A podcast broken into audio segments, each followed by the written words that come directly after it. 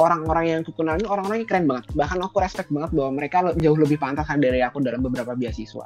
Cuma mereka hmm. justru gagal di hal-hal yang remeh-temeh gitu. Hal lain yang kemudian penting untuk dimotivation adalah nggak cuma kasih tiga titik itu, tapi kita connecting the dots atau menghubungkan tiga poin tadi gitu. Jangan terlalu fokus di kuantitas, kadang kuantitas itu justru nggak dipentingkan tapi bagaimana Tuhan mendalami atau menyampaikan sesuatu itu secara mendalam itu sih sebenarnya Selamat datang kembali di podcast Scholarship 101. Kita bakal bahas mendalam. Sebelumnya podcast pertama uh, kita sudah bersama Mas Ujang membahas mungkin perkenalan lagi ya Mas untuk mengingatkan pendengar kembali. Jadi Mas Ujang ini adalah penerima beasiswa alumni Teknik Kimia uh, beasiswa unggulan dari Kemdikbud, uh, Rumah Kepemimpinan dan Excel Future Leaders. Sekarang Mas Ujang uh, sedang menjalani pendidikannya sebagai mahasiswa Teknik Kimia UGM.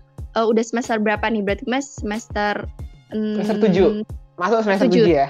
Agustus depan. 7. Yang juga uh, double degree uh, di Universitas Terbuka Prodi Manajemen.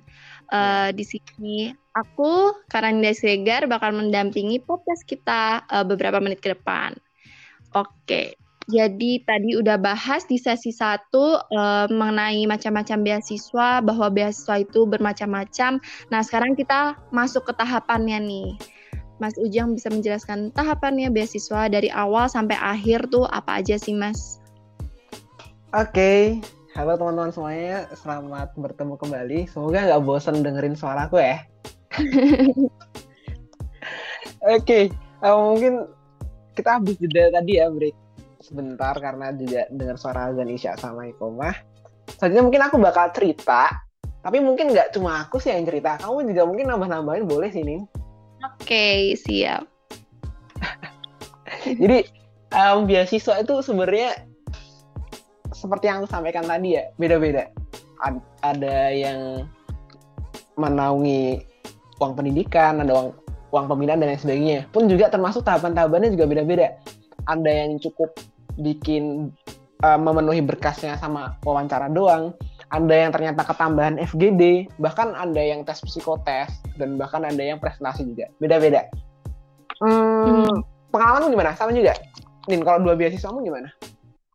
Uh, kalau aku yang standar sih mas biasa dari berkas, terus uh, esai, sama uh, interview itu sih yang umum. Hmm. Kalau sampai D hmm? gitu. Kalau di tempatku biasa unggulan tuh cuma berkas sama wawancara doang sih. Kalau RK itu berkas, tes psikotes, terus FGD wawancara. Kalau hmm. SLFL sama juga ada berkas, tes tes tulis psikotes gitu terus ada LGD wawancara sama one minute speaking gitu pakai bahasa Inggris oke okay. jadi emang beda-beda um, sih umumnya berkas terus uh, interview nah di berkas ini biasanya ada kayak deskripsi deskripsi minimal berapa ratus kata gitu nggak sih mas mm -mm, jadi tapi lagi-lagi beda-beda sih dan mungkin selama 30 menit ke depan aku fokusnya di bahas masalah motivation letter atau esai ini dengan wawancara kali ya Nini. Mungkin kamu juga bisa nambah di sana biar lebih mendalam aja daripada jelasin semuanya. Ya, gitu. Jadi um, dari awal, mungkin dari awal dulu nih Mas berkasnya. Itu biasanya apa aja tuh? Mulai dari transkrip kah atau CV hmm. juga masuk itu atau gimana tuh Mas? Um, berkas ini banyak banget banyak banget berkasnya serius ada surat keterangan aktif ada surat rekomendasi surat rekomendasi ini biasanya dari bisa dari pihak fakultas atau kalau misalkan lebih bersifat pribadi dan ada tulisan-tulisannya tuh dari orang yang kita kenal tapi memiliki kedudukan lebih tinggi bisa DPL hmm. bisa orang tua bisa rekan organisasi yang posisinya lebih tinggi jadi beda-beda tapi hmm. makin tinggi dan makin posisinya makin kredibel itu makin bagus kalau surat rekomendasi ada juga transkrip nilai transkrip nilai ini beda-beda sih setiap departemen atau setiap fakultas cara melengkapinya. Terus Hmm. juga apa ya? CV kadang tapi kebanyakan nggak ada sih sepengalamanku. Biasanya mereka ada format sendiri buat CV. Format Tapi ada ya. juga yang minta. Ah, tapi ada juga yang emang kita diminta ngirim CV. Format kita Hmm. sendiri. Beda-beda sih sebenarnya. Cuma gambaran itu. Terus juga itu tadi essay atau motivation letter. Sebenarnya Nah. essay motivation letter ini agak beda. Tapi bisa dianggap sama sih. Tergantung dari keinginan beasiswa pemberinya. Nah, Nah. makanya kalau semisal bi- bicara tentang berkas-berkas gini, aku mengusulkan teman-teman untuk menyiapkan tiga hal sebelum daftar beasiswa. Yang Apa pertama menyiapkan waktu. Penting banget, waktu disiapin. Jangan mepet-mepet. Kalau idealnya sih dua bulan sebelum deadline. Dua bulan loh. Karena memang banyak berkas-berkas yang diurusnya tuh berhari-hari gitu loh. Kayak Hmm. surat rekomendasi misalkan di fakultas itu kalau di tempatku bahkan sampai 5 sampai seminggu gitu. Jadi perlu ke departemen dulu, parah, terus ke fakultas dan ketemu dosen lagi, ya gitulah agak agak Birok- lama. Jadi hmm, birokrasinya. Ya. Oke. Jadi terus- pertama waktu itu wajib banget disiapin. Makin lama makin baik.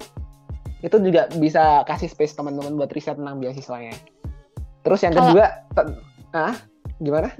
Nah, ini ya Mas, begitu dia buka submission langsung kita itu ya. Dari Ya, hari itu pertama makin baik. Aku nggak pernah kayak gitu, cuma yang jelas makin lama makin baik ya.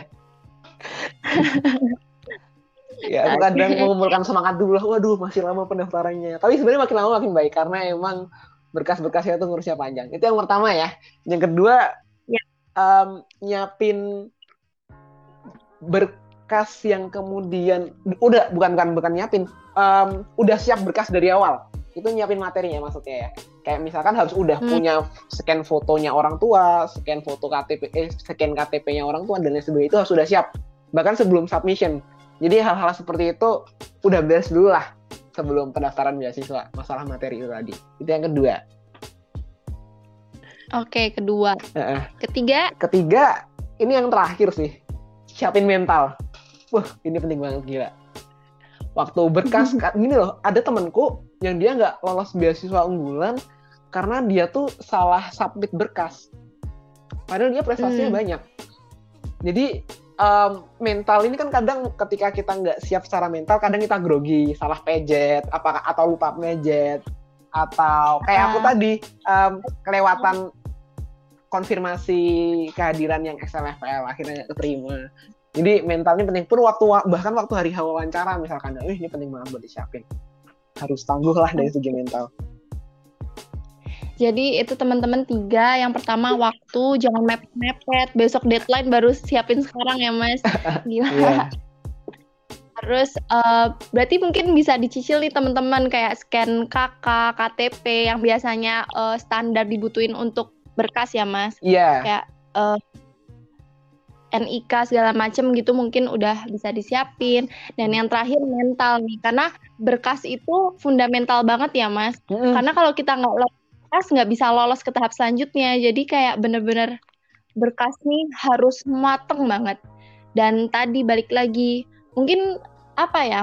Jangan nyepelein kali ya Mas ya. Ya, eh, itu bahasanya. penting banget. Soalnya gini, aku menemukan beberapa kasus di mana orang-orang yang aku kenal ini orang-orang yang keren banget. Bahkan aku respect banget bahwa mereka jauh lebih pantas dari aku dalam beberapa beasiswa. Cuma mereka Mhm. justru gagal di hal-hal yang remeh-temeh gitu. Ada yang kemudian Hmm. menyepelekan, ada yang males ah nyiapin, apa sih aku udah keren kok. Itu banyak hal-hal seperti itu yang kemudian perlu ditekan lah di- dan diminimalisir. Jadi emang beasiswa itu tetap perlu diperjuangkan. Seberapa pantas pun dan seberapa sekeren pun kamu gitu.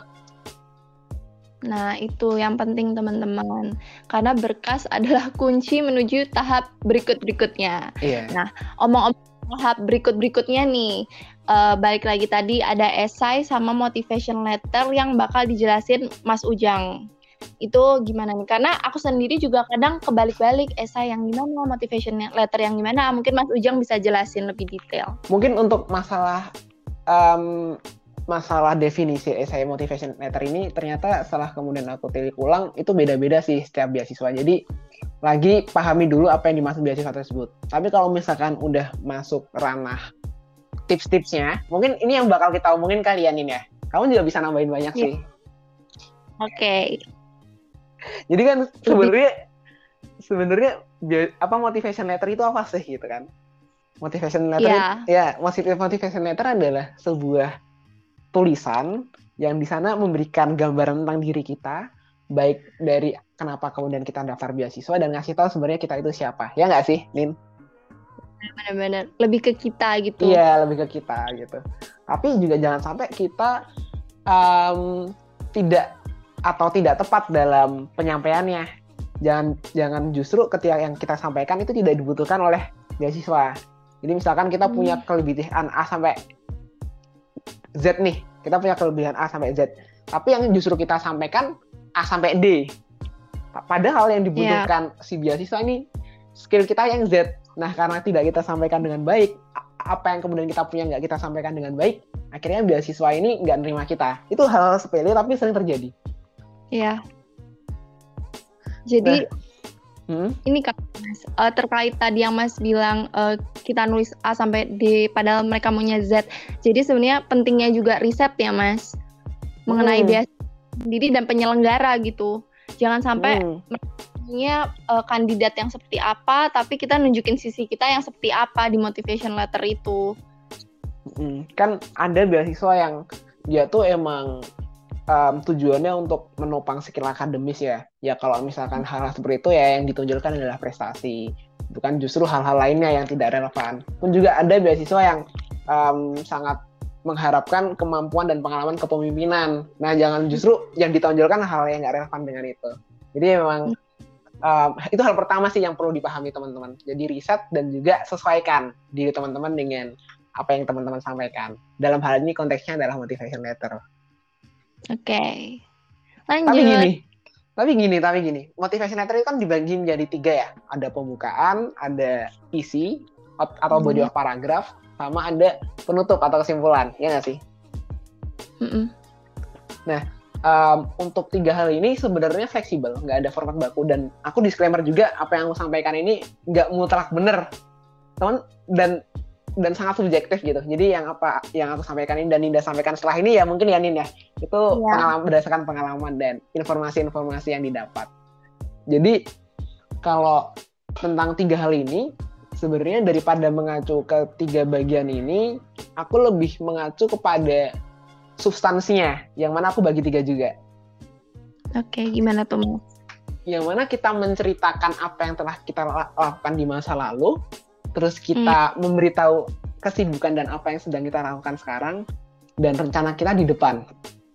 Ya. Itu tiga substansi yang kemudian aku sangat sarankan teman-teman sampaikan di motivation letter. Benar Nah. banget sih. Hal lain yang kemudian penting untuk di motivation adalah nggak cuma kasih tiga titik itu, tapi kita connecting the dots atau menghubungkan tiga poin tadi gitu. Hmm, Yang kita lakukan di masa lalu, kita koneksikan dengan apa yang sedang kita kerjakan sekarang, dan kita koneksikan dengan rencana kita di depan. Ini akan jauh lebih menunjang nilai dari motivation letter teman-teman. Ya nggak sih, Nin? relevan gitu Jadi- ya Mas. Heeh. jadi harus ada benang merahnya lah antara masa lalu, saat ini, dan masa depan. Jangan sampai teman-teman sibuk menceritakan hal yang nggak relevan dengan apa yang teman-teman kerjakan saat ini, dan jangan sampai teman-teman menunjukkan bahwa hal-hal yang teman-teman lakukan saat ini itu nggak guna buat masa depan teman-teman. Iya. Itu sih sebenarnya. Untuk dari segi substansi ya. Dari Hmm. segi substansi. Paling- Jadi kalau kita nulisnya kayak gitu, tadi kayak Mas Ujang bilang relevan lah dari apa yang kita lakukan yang lalu, sekarang dan masa depan, itu menunjukkan kalau kita adalah orang yang konsisten gitu Mas. Menurut Ninda ya. Yoi. Jadi Mm-mm. eh, jalan kita tuh eh, konsisten dan sudah terencana gitu, yang kita nggak eh, melenceng sana sini gitu. Dan menurut Ninda itu eh, kalau dari beasiswa Ninda itu juga dicari gitu dari kandidat mereka gitu. Mm-mm, kayak gitu. Bener banget. Thank you Dinda udah nambahin. Jadi kan kalau kalau untuk kemudian uh, meng- mem- apa ya memvisualisasikan dan menyampaikannya di dalam segi motivation letter ya motivation letter ya mungkin isinya ya ada perkenalan, ada yang teman-teman menunjukkan kelebihan kekurangan teman-teman. Tapi kalau masalah kelebihan kekurangan ini jangan terlalu rendah hati. Paham nggak sih? Ini ini sering jadi masalah nih. Ya nggak sih? Kamu punya prestasi apa, punya kelebihan apa, tapi kamu terlalu rendah hati dan akhirnya kamu pusing sendiri buat menyampaikannya. Dan jatuhnya yang iya. kamu sampaikan malah muter-muter, nggak jelas. Ya nggak sih? Iya benar. Benar. Ini sering sering banget terjadi. Nah maka hal hal pertama yang harus teman-teman pahami ketika teman-teman menulis motivation letter ini adalah orang yang membaca itu nggak kenal teman-teman. Maka hmm. ketika teman-teman nggak menyampaikan apa yang ada di diri teman-teman dan apalagi tambah muter-muter, orang yang baca nggak bakal paham dong gitu. Iya benar. Jangan di um, jangan diposisikan orang yang baca temen uh, tulisan teman-teman ini adalah temennya teman-teman, tapi orang yang bahkan belum kenal dan belum pernah bertemu sama sekali dengan teman-teman. Maka sampaikanlah apa adanya dan dibumbui dan dibalut semenarik mungkin dibungkus dengan semenarik iya. mungkin pun kelebihan nah. kekurangan dan juga prestasi itu penting banget disampaikan yang relevan ya dan kemudian connecting the dots sesuai apa yang sampaikan tadi itu jadi yeah. ya apa pun itulah dari informasi pribadi, pendidikan teman-teman, kualifikasinya, pengalaman organisasi teman-teman, minat, prestasi, keterampilan, dan alasan teman daftar beasiswa itu, bahkan rencana masa depan teman hingga bagaimana beasiswa tersebut menunjang keberhasilan masa depan teman-teman itu wajib dibungkus dengan sesuatu yang kemudian menarik. Jangan formal-formal banget lah kalau nulis motivation letter. Yang lebih keren dikit lah. Cuma, cuma jangan sampai terlalu puitis juga. Aku soalnya pernah bikin motivation letter yang terlalu puitis, itu gagal. Motivation letter yang terlalu formal, gagal juga. Jadi ya ada titik pasnya lah, titik temu dari dua hal itu. Jadi uh, di motivation letter itu kan uh, salah satu bagiannya ada apa yang sudah kita capai juga ya, Mas. Hmm, itu uh, juga penting juga. Jadi jangan ragu buat menyampaikan hal itulah. Nah, kadang tuh ada nih uh, beberapa temen juga tanya ke Ninda kayak aku belum punya prestasi ini gimana? Terus pengalaman organisasi aku cuma panitia dalam kampus dan cuma jadi apa gimana? Terus kadang itu juga yang menghambat mereka untuk uh, mendaftar beasiswa itu sendiri karena mereka udah ngerasa dulu kayak aku belum ada prestasi apa-apa. Terus aku pengalaman organisasi baru apa? Nah, itu menurutnya gimana nih untuk membungkusnya di motivation letter gitu? Thank you thank you Linda pertanyaannya. Ini pertanyaan yang kutunggu-tunggu sih sebenarnya Nin. Dan kayak ini nggak ada di skrip kita ya, nggak ada di skrip kita ya. Oke, okay.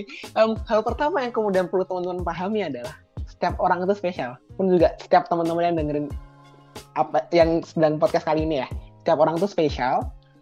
Maka jangan minder dulu buat daftar sesuatu. Karena hmm. karena setiap pengalaman yang kemudian kita lakukan itu sebenarnya berharga kok, tergantung sudut pandang kita menyampaikannya.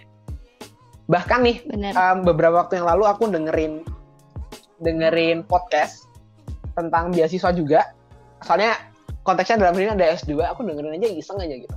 Tentang LPDP, eh, bukan LPDP, dia Sevening di di Inggris. Dia cerita gitu, ada temennya yang diterima beasiswa Sevening di Inggris ini, itu nulis pengalaman kepemimpinannya adalah pengalaman dia jadi bapak. Keren okay. banget gak sih? Bahkan sesederhana Menarik. pengalaman jadi bapak aja itu bisa mengantarkan dia ke Inggris. Karena memang Menarik. justru hal-hal penting dan hal, hal menarik itu datang dari hal yang sebenarnya sederhana. Nggak perlulah hmm. terlalu dake-dake bahwa udah dapat prestasi ini dan lain sebagainya gitu. Bahkan aku sampaikan bahwa aku keterima beasiswa unggulan tuh dari prestasiku silat. Kan nggak relevan banget kan? Nggak relevan hmm. banget itu dengan teknik kimia gitu kan. Tapi yang penting adalah bagaimana kita membungkus dan menyampaikan sesuatu itu semenarik mungkin dan ada sesuatu yang berharga yang kita sampaikan.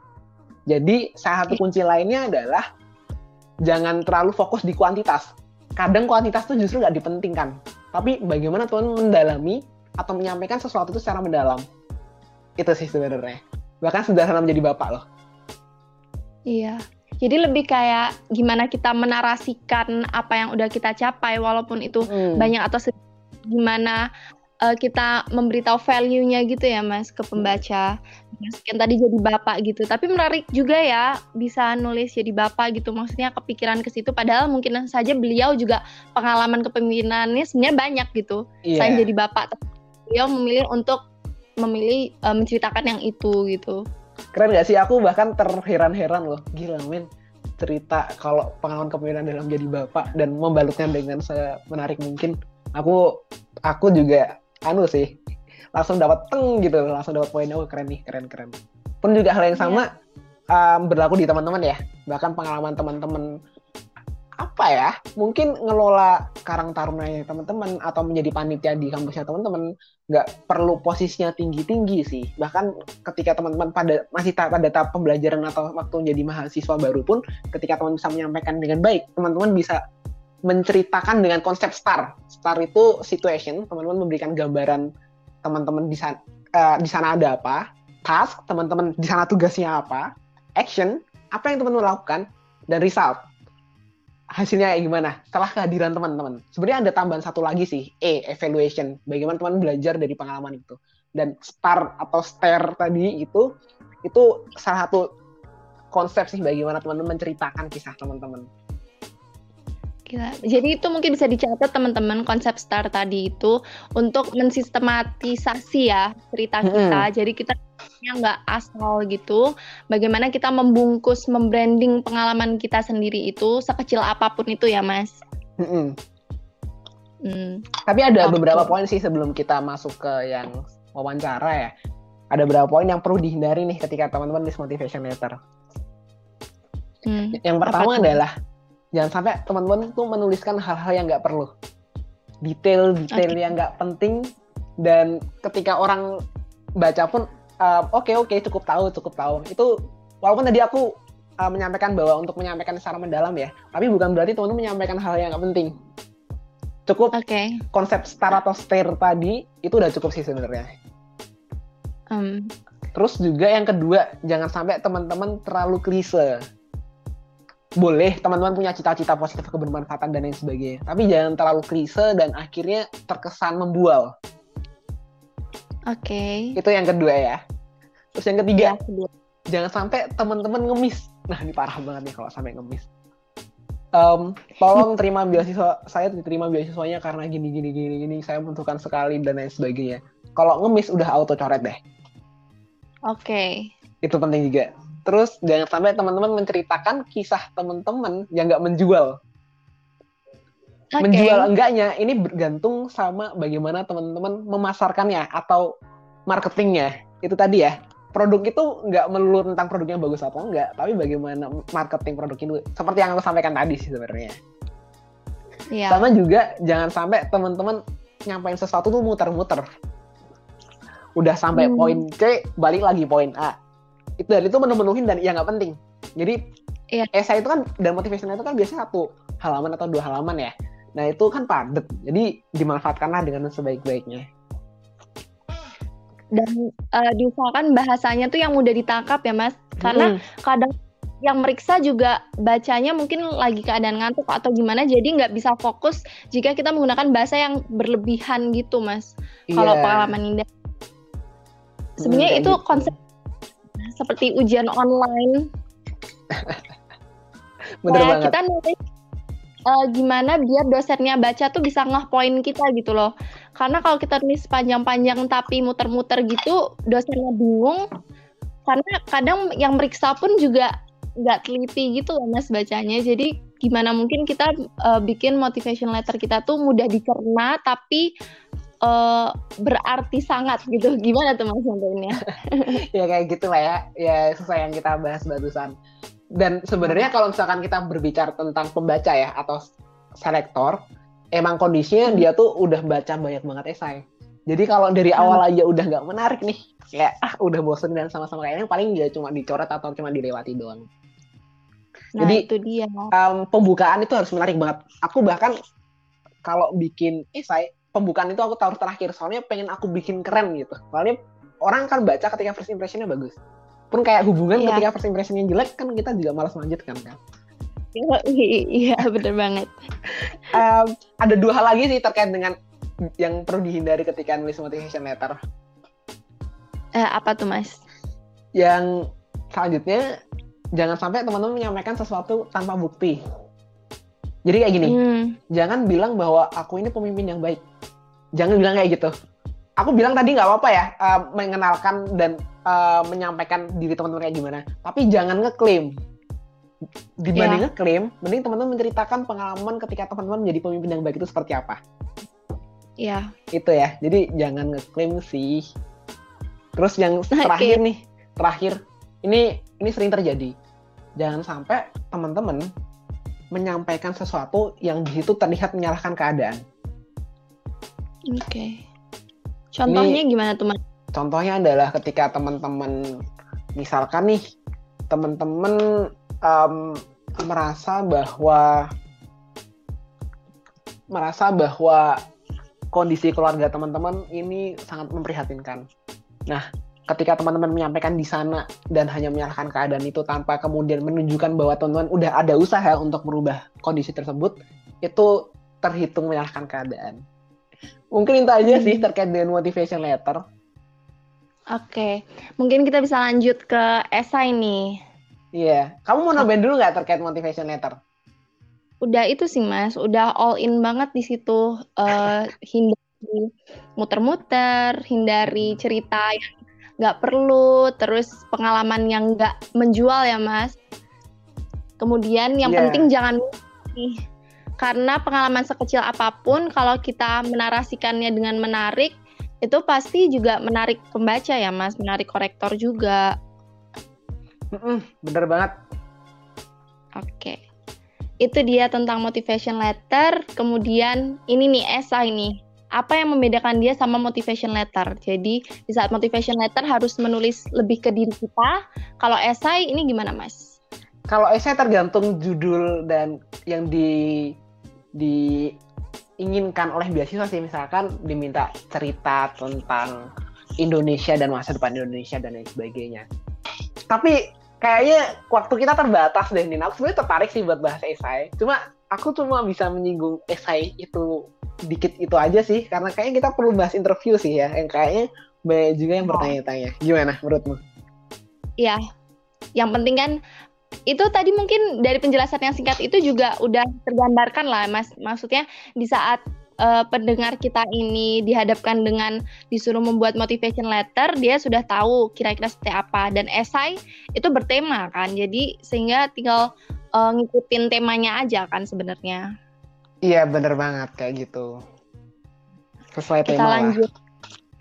kita lanjut ke interview karena interview juga hmm, penting nih aku pengen kamu dulu sih yang cerita tentang interview dan pengalamanmu. Din, bosan kayaknya ini oh. pendengar dengar suaraku. interview ya. Jadi interview itu bisa uh, daring bisa ini ya offline. Apalagi kalau sekarang uh, lagi pandemi kan uh, cenderung online nih. Nah, kalau offline sendiri ya itu pastikan dari awal itu kita uh, outfit gimana ya tampilan kita juga udah uh, pantas untuk interview. Jangan kita interview pakai uh, rok misalnya rok kependekan atau kita uh, pakai uh, sandal gitu kan nggak pantas. Jadi uh, yang pertama banget harus dipastikan gimana kita uh, berpakaian yang rapi. Kemudian di saat sudah nih interview um, sikap tubuh sih mas menurutku itu penting banget sikap tubuh jangan kita di interview kemudian mata kita ke mana-mana nggak lihat uh, pewawancaranya atau uh, kadang ada nih uh, orang yang kebiasaan mainan kursi jadi goyang-goyang gitu kakinya atau badannya uh, goyang-goyang itu jangan banget itu harus dihindari. Kemudian uh, interview kadang juga deg-degan banget ya sih mas? Kadang interview tuh kayak di interview bisa dua tiga orang terus kita sendiri nggak tahu nggak kenal siapa yang interview. Nah tapi uh, gimana kita menalangi ketakutan kita akan pewawancara? Uh, menurut Minda uh, ini banget sih penting banget sih cari tahu siapa yang interview. Apakah dosen apakah aktivis apakah um, uh, tokoh-tokoh agama. Jadi kita udah tahu gitu, kita mau menghadapi siapa gitu. Kemudian mungkin Mas bisa jelasin lanjutannya atau lebih dalam lagi, tapi menurut Ninda itu sih dari awal penting banget. Menurut Mas gimana? Sebenarnya kamu udah menyampaikan pokok-pokok penting yang pengen aku sampaikan sih, Nin. Apa aku nggak perlu lanjutin? mungkin lanjut lebih ke uh, pertanyaan yang bisa diantisipasi. Oke, okay. uh, bercanda bercanda. Jadi sebenarnya aku ngasih um, apa ya pengen ngasih bahwa persiapan wawancara atau apa yang perlu dilakukan selama wawancara tuh aku bagi tiga segmen sih. Mm.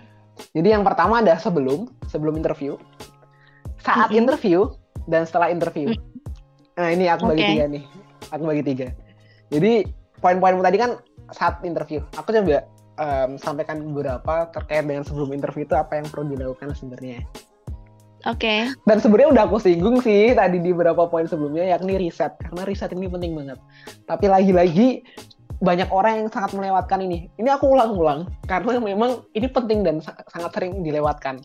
Kadang orang merasa satu esai bisa untuk semua beasiswa, satu motivation letter bisa untuk semua beasiswa, dan percaya dengan dirinya tanpa persiapan atau merecall ingatan-ingatan yang terkait dengan udah ngapain aja di kehidupannya dan rencana kehidupannya ke depan itu sering dilewatkan sih. Jadi persiapan-persiapan menjelang itu sangat sering dilewatkan dan itu penting untuk dilakukan. Bahkan aku sampai cari tahu di website web, aku cari di website sebenarnya beasiswa ini tuh latar belakangnya apa sih? Kenapa beasiswa ini tuh sampai ada goalsnya apa gitu? Bahkan sampai penerima-penerima sebelumnya itu aku ajak ngobrol, aku cari tahu sebenarnya beasiswanya itu kayak gimana. Nah, dengan kepemahaman hal ini dan ketika teman-teman bisa menunjukkan waktu interview bahwa teman-teman udah cari tahu banget nih dan punya komitmen yang besar terhadap beasiswa, itu juga akan meningkatkan value teman-teman di mata pewawancara. Hmm, benar. Mungkin ini Dan- intermezzo dikit. Ah, ah, gimana? Itu kan mengenai riset. Nah, ini pengalaman pribadi. Aku punya temen nih. Hmm. Bukan temen sih, kenalan. Dia mau daftar beasiswa yang sekarang aku dapat nih, LIM Scholarships. Oh, oke. Tapi uh, ditanya, ini wawancara, ditanya eh, LIM itu siapa sih? Dia nggak tahu. Padahal sebelumnya dia berkas sudah lolos. Kemudian eh, esai udah lolos. Interview ditanya LIM itu siapa sih? Dia nggak tahu. Padahal itu beasiswa LIM gitu, namanya aja LIM Scholarships gitu. Dia nggak tahu, akhirnya nggak lolos. Sesimpel itu loh. Iya, memang mencari tahu dan mempersiapkan itu suatu hal yang sangat sangat jangan sampai dilewati lah pokoknya. Jadi tetap Nah. harus persiapan. Itu sih kalau sebelum beasiswa, mungkin juga eh kok sebelum beasiswa, sebelum interview, mungkin juga masuk ke poin yang kedua tadi yang kamu sampaikan bahwa uh, berpakaian yang rapi itu penting banget. Iya. Nanti aku sampaikan kenapa itu penting waktu bagian selama interview. Soalnya aku punya data-data yang menarik terkait dengan interview. Itu nanti. Cuma ketika kita berbicara waktu selama interview ya, kalau kita berbicara tentang selama interview, em, dua poin yang kemudian penting untuk teman-teman pegang adalah yang pertama, jadilah diri teman-teman. Itu penting banget. Teman-teman boleh punya template, teman-teman boleh udah menyiapkan segala jawaban atas setiap per- pertanyaan-pertanyaan yang akan dilontarkan. Tapi jangan sampai jawaban yang teman-teman siapkan ini, jawaban yang teman-teman siapkan ini itu bukan diri teman-teman, karena pasti akan kelihatan. Karena kebanyakan pewawancara kan orang psikolog dan orang-orang yang udah sering banget interview ya, dan udah bisa membedakan lah mana yang bohong, mana yang pura-pura dan lain sebagainya. Jadi be yourself, be yourself, but be the best you are. Dapat gak? dapat dapat. Jadi teman-teman jadilah diri teman-teman, tapi jadi diri teman-teman yang saat posisi yang terbaik. Gitu. Jadi teman-teman tetap, tetap melakukan persiapan dan sebagainya. Itu yang pertama. Dan yang kedua adalah relax sih. Teman-teman, Iya. ketika ditanya sesuatu, jangan terlalu buru-buru jawab, terkesan responsif karena pada saat itu pun juga jangan AE-AE hingga nggak jawab waktunya habis. Jadi ketika teman-teman ditanya sesuatu, it's okay buat nafas dulu, buat mikir dulu, nggak perlu AE-AE dan lain sebagainya. Dan ketika teman-teman dirasa timing yang tepat buat jawab, jawab. Jadi tenang aja, relax lah. Ada timing-timingnya. Ya. Pun juga se- senyum ketika teman-teman ditanyain, ketika teman-teman mau jawab senyum dulu. Wah itu gila men, kamu pasti auto keterima. Tapi ada beberapa tips sih, beberapa tips ketika interview selama interview. Sebenarnya yang pertama, yang sebenarnya ini PR aku banget, jangan sampai telat. Jangan sampai Iya telat. benar. Penting banget, ya nggak Nin? Iya bener banget. Karena eh, yang eh, interview atau penyelenggara itu nggak peduli kita telat karena apa. Kalau misalnya kita udah telat ya udah negatif aja image-nya. Pasti Kecuali- nggak niat lah pokoknya. Kecuali karena emang beneran ada alasan apa di jalan gitu. Ya mungkin bakal dipahami tapi ya itulah harus persiapan. Bahkan kalau uh, wawancara offline itu harus berangkat berapa setengah jam sebelum eh harus sampai setengah jam sebelum itu Iya, bener banget. minim. Mm-mm. Terus yang kedua, Nin, yang kedua, em, kalau bisa sih ini bukan bukan sesuatu yang harus banget sih. Matiin HP, jangan sampai ketika proses wawancara ada sesi awkwardnya karena sesuatu yang sebenarnya nggak penting sih. Matiin HP. Itu, itu ya penting untuk dilakukan. Atau paling nggak di silence jangan sampai ada bunyi lah. Atau sampai alarm bangun tidur tuh sering juga kan jam 8 baru bangun dan alarmnya jam 8 padahal wawancaranya jam 8 juga itu lucu nggak ngaruh sama silent lah pokoknya Oke. Em, ketika teman-teman ngomong, teman-teman masuk bahkan itu harus terlihat bukan harus terlihat, memang teman-teman harus percaya diri. Bahkan sesederhana ketika teman-teman masuk, jabat tangan, memperkenalkan diri, dan kemudian datang penuh dengan gairah, itu penting banget. Jadi setiap detail satu wawancara itu bakal diperhatikan oleh wawancara. Mm, Sama kontrol tubuh sih. Em, Iya. Teman-teman penting untuk kemudian menunjukkan gesture ya, kemudian gerak bahwa menunjukkan bahwa teman-teman itu nggak membosankan, nggak terlalu formal, nggak terlalu kaku. Cuma juga jangan terlalu banyak gerak, kayak yang kamu sampaikan tadi. Jangan sampai gerak-gerakin kaki dan lain sebagainya. Seperlunya, tapi juga jangan sampai terlalu minim. Jadi ada titik pasnya lagi-lagi Iya. Nah, beberapa hal di atas itu dan em, apa yang aku akan sampaikan setelah ini itu sebenarnya mengacu sama satu data penting sih. Ada tuh? data tentang human resource yang nyatakan bahwa 7% HRD itu menerima karena apa yang disampaikan oleh pen- eh, yang diwawancara. Cuma 7%. Mm, Jadi, nah ada ada 93% hal lainnya yang ini tuh jauh dipertimbangkan loh dari konten apa yang teman-teman sampaikan. apa tuh mas? 28 persennya itu cara ngomong teman-teman. Oke. Kalau teman-teman bisa menyampaikan sesuatu itu secara ada jeda-jedanya, ada intonasinya, ada cepat lambatnya, ada kata-kata yang kemudian menarik dan tidak bosan ketika orang mendengar dan nggak nggak sama lah sama yang diwawancara sebelum-sebelumnya. Itu Mm. sampai ke 28 persen. Dan Iya, 55 persennya, eh 38 ya, sorry, 38 persen. Dan 55 persennya adalah karena penampilan. Jadi ketika teman-teman datang dengan pakaian yang coraknya luar biasa rame, warnanya nggak matching, auto ditolak sih.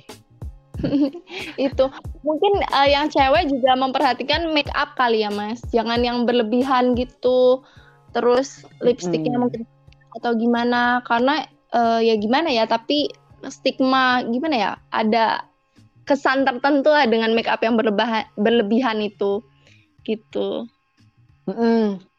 Terus sebenarnya kalau bicara tadi kan aku sempat menyinggung cara ngomong ya. Ini ada satu tips sih buat cara ngomong. Hmm, Yakni ketika teman-teman ditanyain sesuatu, itu pakai framework piramida. Jadi jawab dulu sesuai apa yang diinginkan dan ditanya oleh penanya, baru dielaborasi, baru diperdetail maksud-maksudnya. Paham nggak? Misalkan nih ditanya em, apa ya? Pertanyaannya misalkan em, apakah kamu pernah menerima beasiswa sebelumnya atau apakah kamu tahu em, XL Aksiata itu apa misalkan ya terus Mm-mm. jawab dulu tahu jangan atau jangan jawab dulu belum pernah atau jawab dulu udah pernah. Baru nanti diperdetail maksudnya apa.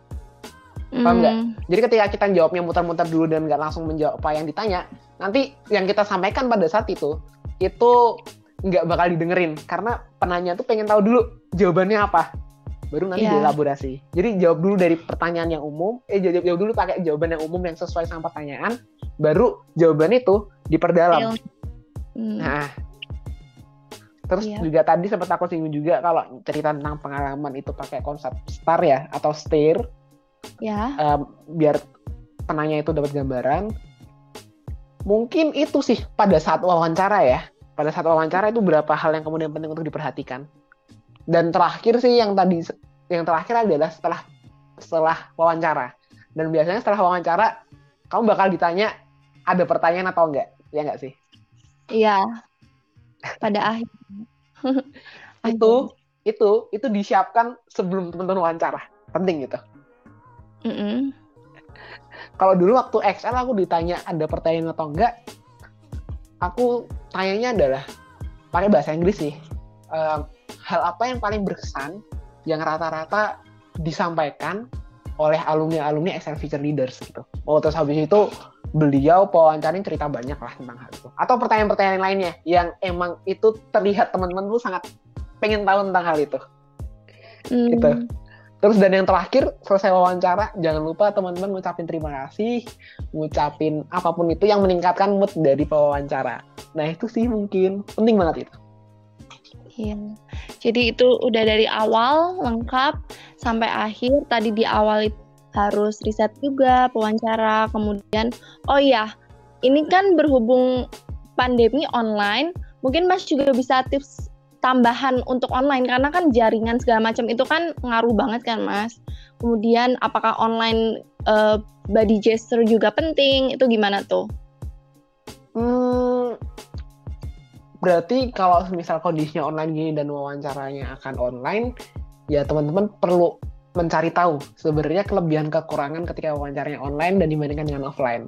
Dan teman-teman setelah tahu kelebihan kekurangannya, berusaha semaksimal mungkin memanfaatkan kelebihannya dan menekan kekurangannya. Dapat ya? Misalnya nih dapat. kelebihannya teman-teman bisa pakai contekan dan lain sebagainya. Siapin siapin. Jangan asal ya. langsung wah aku udah siap dan lain sebagainya. Kalau misalkan bisa menunjang dan itu kelebihan kenapa enggak gitu ya gak sih?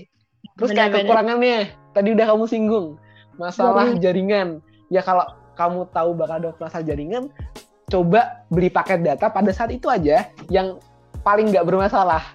Ya nggak sih? Ya, terus iya. juga jangan sampai kamu wawancara atau tanya wawancara di tempat yang belakangnya ini rame banget. Siapkan wallpaper atau backdrop yang kemudian sesuai dan terlihat natural. Kalau bisa sih polos sih dan kontras sama warna pakaian teman-teman. Hmm, dan gitu. rapi lah yang penting pokoknya segalanya disiapkan dari earphone dari uh, mic-nya apakah cukup pakai headset atau enggak dites dulu itu penting supaya semuanya lancar.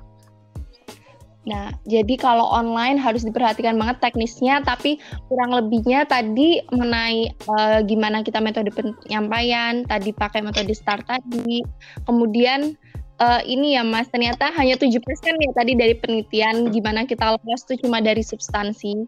Lebih penting ya, lagi cara menyampaikan, terus uh, gestur tubuh itu penting juga.